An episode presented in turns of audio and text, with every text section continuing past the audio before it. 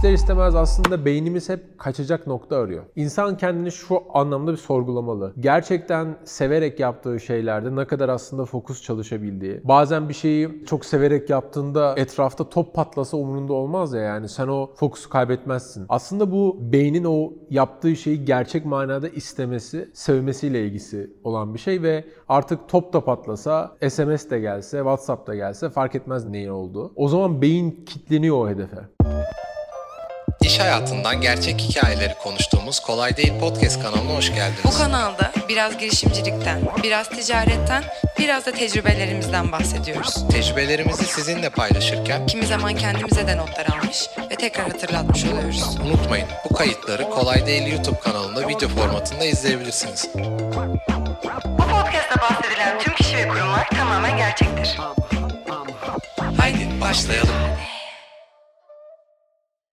Şimdi Mustafa Bey, e, bize Discord'dan, Instagram'dan çok fazla takipçilerimiz soru soruyor. Bu sorulardan bir tanesi de şu. İnsanlar odaklanma problemi yaşıyor. Hani bunu nasıl çözeriz, nasıl üstesinden geliriz gibi bize fikir danışıyorlar. Bunu nasıl yorumlarsınız? Şey yani buradaki odaklanma bireysel insanın yap bir şeye çalışma, çalışırken, profesyonel hayatında veya ders çalışırken odaklanma mı yoksa hani bir işe bir işe başlarken birçok farklı işler var, bölünüyorsun ve neye odaklanacağını bilememe mi? Hangisi? Genelde bir işe başlarken o işi sürdüremiyorlar insanlar. Mesela ders çalışırken bir mesaj sesiyle bütün konsantrasyonu bozuluyor kişinin. Bugünümüzün bence temel problemlerinden biri. Ya şöyle bir şey. Şimdi bunu ben her zaman şuna bağlıyorum. Biz bir şeyi gerçekten e, derinden böyle kalbi bir şekilde istiyor muyuz? Mesele çok burada aslında tıkanıyor.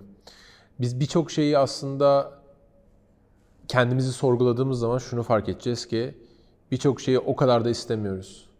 Birçok şeyi aslında sırf sistem, düzen bize dayattığı için veya etrafımız, arkadaşlarımız öyle yaptığı için, doğrunun o kabul edildiği için, statiko olduğu için e, yapıyormuş gibi yapmaya çalışıyoruz ve dışarıda hep bir izlenim, bir ilizyon, e, bir kişi yaratmaya çalışıyoruz kendimiz dışında. Gerçekten hissetmediğimiz, benimsemediğimiz, arkasında normalde durmayacağımız bir e, kişilik yaratıyoruz.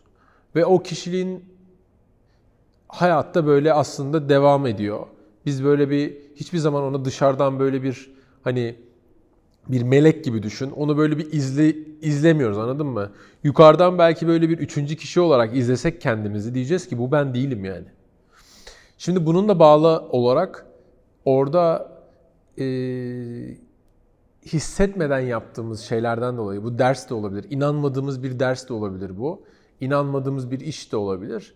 İster istemez aslında beynimiz hep kaçacak nokta arıyor. İnsan kendini şu anlamda bir sorgulamalı. Gerçekten severek yaptığı şeylerde ne kadar aslında fokus çalışabildiği. Hani bazen bir şeyi böyle çok severek yaptığında etrafta top patlasa umurunda olmaz ya yani sen o fokusu kaybetmezsin. Aslında bu beynin o yaptığı şeyi gerçek manada istemesi, sevmesiyle ilgisi olan bir şey ve o zaman beyin kitleniyor o hedefe. Artık top da patlasa, işte SMS de gelse, WhatsApp da gelse fark etmez ne, neyin olduğu. Biz bunu fark edemiyoruz. Yani biz aslında orada işte e, sonuca takılıyoruz. Sonuç ne? Mesaj geldi, Instagram'dan DM geldi. Ben bir şey yaparken konsantrasyonum dağıldı. Ama aslında nedene takılıyor olmamız lazım. Nedeni ne? Nedeni çünkü biz o işi hissederek yapmıyoruz. Biz o işi isteyerek yapmıyoruz. Çünkü ben bunu gerçekten iddia ediyorum. Yani bir insan bir şeyi gerçek manada istediği zaman, gerçek manada ona inandığı zaman artık onun önünde kimse duramaz. Kimse. Yani bu çok kritik bir özellik. Bu insanın bu arada çok da aslında bilinçli bir şekilde yönetebildiği bir şey değil. Bilinçaltı insanı bu şekilde yönlendiriyor. Ee, dedemin hep böyle ben küçükken söylediği güzel bir laf var. Bu burning desire diye. Ee, yani insanın içinde yanan bir tutku ve istek olması lazım. Böyle öyle bir alev ki onu aslında kimse söndüremez, kimse üstünü kapatamaz, kimse onu bir şekilde durduramaz. Bu e, hani tam olarak Türkçesi ne yani durdurulamaz, engellenemez, alev, istek, tutku vesaire ne, ne dersek diyelim konuya. Bu burning desire dediğimiz mesele bir insanın içinde bir konuyla ilgili varsa işte kimi zaman bu arada bir insan birine aşık oluyor ve e, işte adına aşk olduğunu bilmiyor mesela. Ama o kişiye karşı e, engellenemez bir şey hissediyor yani. O insandan başka bir şey düşünemez oluyor. O insandan gözünü alamaz oluyor. E, sürekli o insanı düşünüyor oluyor. Veya bu işle ilgili olabiliyor. Yani bir hedef koyuyorsun kendine. Ben bunu yapacağım diyorsun. Ve bir şekilde onun önünde hiçbir şey duramıyor. İşte biz e, gerçek anlamda o içeride yanan o ateşi doğru şeylere, doğru yerlere kanalize edebilirsek, gerçek anlamda e, doğru hedefe kitlenebilirsek ve bunu severek yaparsak, e, bunu unutmamak lazım. Bence bunu hani çok da böyle girişimcilik, iş hayatı olarak da söylemiyorum bu konuyu. Hani ne olursa olsun biz bir şeyi gerçekten seviyor, severek yapacaksak aslında bu bahsettiğim tutkuya sahip olabiliriz. Eğer bir şekilde ya ben girişimci olmalıyım işte iki tane arkadaşım da ya işte biz bir şirket kuruyoruz, girişim kuruyoruz, gel sen de ortak ol dedi diye. Sonra düşündün, hmm, evet ya olayım ben de zaten herkes bir şirket kuruyor, ortak oluyor. Ben niye olmayayım ki dedin diye. Aslında sevmediğin, aslında inanmadığın bir işe giriyorsan e, istediğin kadar uğraş yani. istediğin kadar e, orada bir şeyler yapıyormuş gibi gözük. Her şekilde o fokus dağılacak. Her şekilde sen özellikle burada böyleysen, iş hayatındaysan e, en ufak sıkıntılarda, en ufak sallanmalarda işte yaşadığın sıkıntılı durumlarda işleri iyi gitmediğinde zaten büyük ihtimal erkenden pes ediyor olacaksın. Çünkü içinde o ateş yok, o alev yok, tutku yok. O yüzden e, herhangi bir şekilde bence bir insan e, böyle ben odaklanamıyorum, ben e, bir türlü o şeyi yaşamıyorum yani o hissiyatı sahip değilim diyorsa kesinlikle o yaptığı şeyi severek mi yapıyor, inanarak mı yapıyor onu sorgulasın. Hayat sevmediğimiz, inanmadığımız şeyleri yapmak için çok kısa. Sevmediğimiz, inanmadığımız insanlarla beraber olmak için çok kısa. Ee, bu iş arkadaşları, ortaklar e, vesaire hani bireysel ilişkilerde belki sevgili vesaire odur budur da bunun içine girebilir. Ama hayat gerçekten bunlar için çok kısa. Yani burada e, bunları değiştirmekten, bunları sorgulamaktan e, bence e, korkmamak lazım. Diğer türlü sürekli biz başka şeylere takılacağız. Ben niye odaklanamıyorum? Ben niye mutlu değilim? Ben niye şunu yapamıyorum? Falan filan. Durum böyle. O zaman başarılı insanların en temel alışkanlıklarından bir tanesi iyi fokuslanmak, iyi odaklanmak. Biraz da böyle hani başarılı insanlardan aslında alışkanlıklarından konuşabiliriz. Örnek vererek. Ya şöyle bir şey var.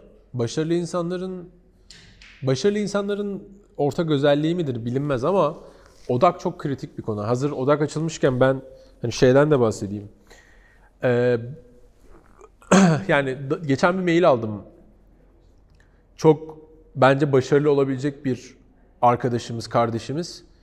Ee, o tarafta bir oyun şirketi var. Ee, bir tane mobil app yapmış. O başka bir şirket. Bir de e-ticaret yapan, e-ticaret üzerine dikeyde e, çok e, çok fazla ürün olmayan az çeşit ama farklı kategorilerde 3 tane e-ticaret sitesi olan bir arkadaş var.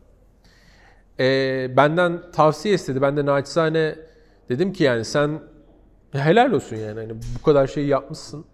Bu arada bu arkadaş bana yol olarak da çok benzeyen bir arkadaş. Yani gerçekten evini satmış, arabasını satmış. E, bayağı yıllarca, on, bayağı uzun seneler fedakarlık yapmış. Yani orada hemen bir şeyler başarayım değil. Yani bir önce kendi parasını harcamaktan da imtina etmemiş bir arkadaş. Ee, ya ona dedim ki abi sen çok potansiyellisin ya. Hani e, o tarafta potansiyellisin ama olmaz yani. Birinden vazgeçmen lazım. Yani hani diğer türlü derler ya hani işte dimyata pirince giderken evdeki bulgurdan olmak diye. Gerçekten öyle bir durum var. Şimdi bu dediğimiz örnek verdiğim arkadaşta yani oyun şirketinden bahsediyoruz. İnanılmaz trend oyun. Herkes şu an biliyorsunuz ne kadar şey yapıyor. Ee, bir taraftan yine böyle fotoğrafçılık filtrelerle ilgili bir app var. Yine bayağı trend olabilecek, bayağı hani birazcık azaldı onun şeyi hani ama şu an Instagram bile böyle düşündüğünüzde. Ee, bir taraftan da bence her biri kendi içinde başarılı sayılabilecek. Ee, direct to consumer yani direkt son tüketiciye e, böyle hedefleyerek ciddi cirolar, hacimler yapılabilecek e-ticaret siteleri. Ee, dedim ki bu iş olmaz yani. Fedakarlık yapmalısın birilerinden ve muhakkak bir tanesine işe fokuslanmalısın. E dedi ki ben her birinde ayrı ayrı ekiplerim var çok iyi. Hani bu ekiplerden de vazgeçmek istemiyorum. Onlarla yollarımı ayırmak istemiyorum falan. Dedim o zaman benim yaptığım gibi yapacaksın. Ee, işlerden bir tanesini seçeceksin. Diğer işlerde kıyamet kopsa umurunda olmayacak. Para kaybetmeye de razı olacaksın. Ee, ve birazcık orada hani Allah kerim diyeceksin. Orası ya iyi gider ya kötü gider. Ama kafanda o iş yokmuş gibi davranacaksın. Tamam feshetme, satma ya da bırakma işi, kapatma şirketi ama e, kesinlikle bu dediğim kafada o iş yokmuş gibi ya da o işteki olası kötü senaryoları, maddi sıkıntıları kafana takmayacak şekilde e, vurdum duymaz olmalısın ki bu işte fokusun dağılmasın. Yoksa o hikayenin başındaki e, WhatsApp'tan mesaj gelmesine benzer yani. Sen e, ana işine fokuslandığını düşündüğün her an sürekli oradaki bir haber, bir mesaj, bir kol senin kafanı kurcalamaya ve o senin tüm fokusunu dağıtma, dağıtmaya başlar. Ben bir fokusla ilgili son bir taktikten bahsedeyim. Hani çok da e, hani uzatmayayım konuyu ama mesela abi ben İKAS'ta da şöyle bir şey yapıyorum strateji. Doğru yanlış tartışılır. E, beni down edip e, yani şöyle söyleyeyim.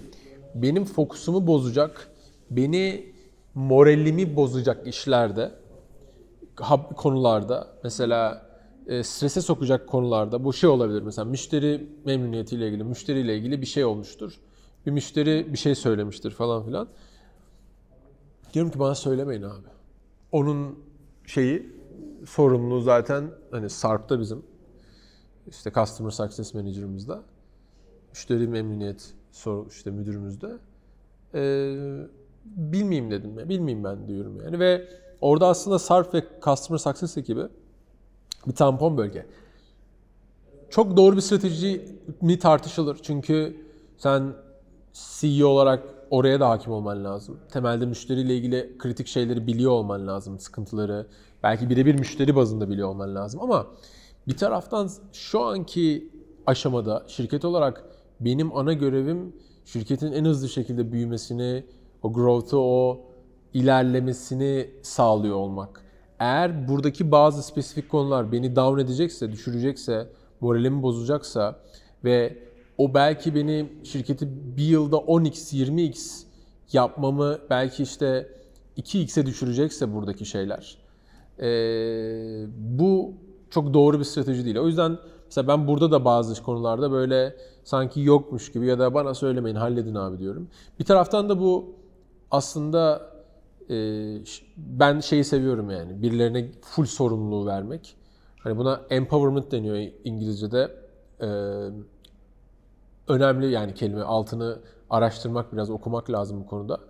İnisiyatif tam olarak veriyorsan birine biraz da şey bekliyorum yani. Abi o senin işin e, hallet. Yani ben işime bakayım. E, durum öyle.